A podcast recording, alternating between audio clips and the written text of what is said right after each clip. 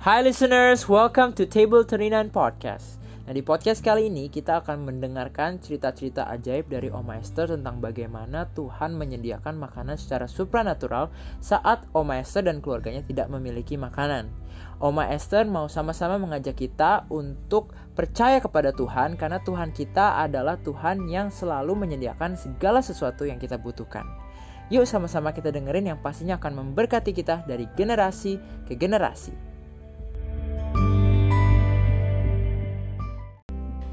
Tante mau ngobrol tanya nih tentang sebagai seorang istri dari hamba Tuhan. Tentu pasti ada langkah-langkah perjalanan iman yang tidak mudah.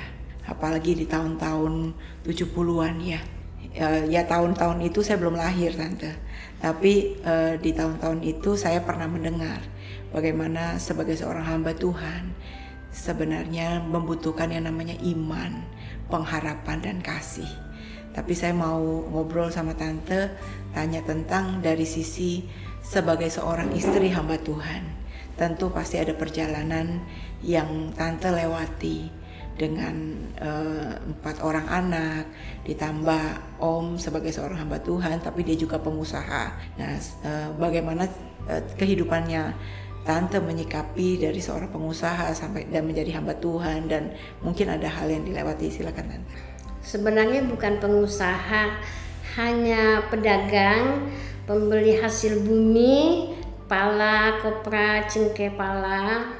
Karena kami sudah diberkati jadi hamba Tuhan, kami lepas usaha itu, kami tidak berdagang lagi, kami mau full time untuk melayani Tuhan dengan segala resikonya ya. Kami banyak melewati masa-masa yang sukar. Ada satu waktu kami bukan tidak ada makanan. Jemaat yang ada di tempat kami layanin itu semuanya pedagang, toko, toko-toko besar dan itu keponakan daripada uh, suami saya sendiri sih jadi mereka bilang gini cek Jim kalau nggak ada makanan di pastori bilang kami sebagai hamba Tuhan bilangnya bukan kepada jemaat tapi kami bilang kepada Tuhan karena uh, majikan kami adalah Tuhan yang punya langit dan bumi. Saya kalau nggak ada makanan saya berdoa. Kalau saya habis berdoa saya tunggu di depan pintu.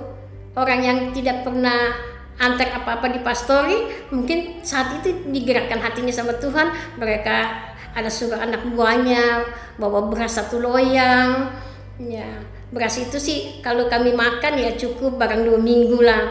Kalau berkat itu sudah habis Tuhan kasih berkat lagi dengan caranya Tuhan sendiri buat saya buat keluarga kami sebagai hamba Tuhan. Ada satu waktu angin kencang terus pisang yang masih muda dia rubuh. Anak kami yang kecil Elgi Mira baru umur 8 bulan dan kakaknya 2 tahun. Ada satu ke anak sepupuan saya tinggal sama kami. Dibayangkan makannya anak bayi dengan pisang yang dibakar di daerah kami itu memang suka bakar pisangnya mungkin kalau sekarang sih nggak wajar ya makanan dari dikunyah dari mulut kan nggak punya blender bukan seperti sekarang punya blender ya. E, makanan dari dikunyah dari mulut disuapin kepada anak bayi ya karena baru 8 bulan. Begitulah e, perjalanan. Bukan susah tetapi dengan cara seperti e, kami makan pisang yang rubuh itu Tuhan mau tunjukkan sesuatu mujizat bagi kami. Bukan kami susah, bukan kami kekurangan makanan.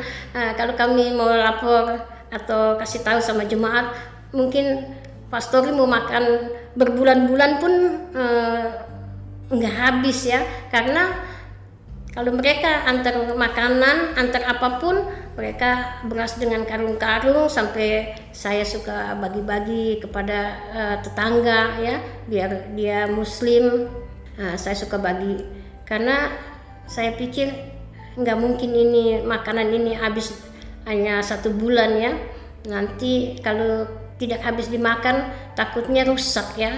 Seperti beras uh, yang lain-lain karena dengan cara Tuhan kalau kami ini nggak ada makanan juga mereka yang muslim antar ikan antar singkong antar antar ubi betata mereka juga uh, merespon saya.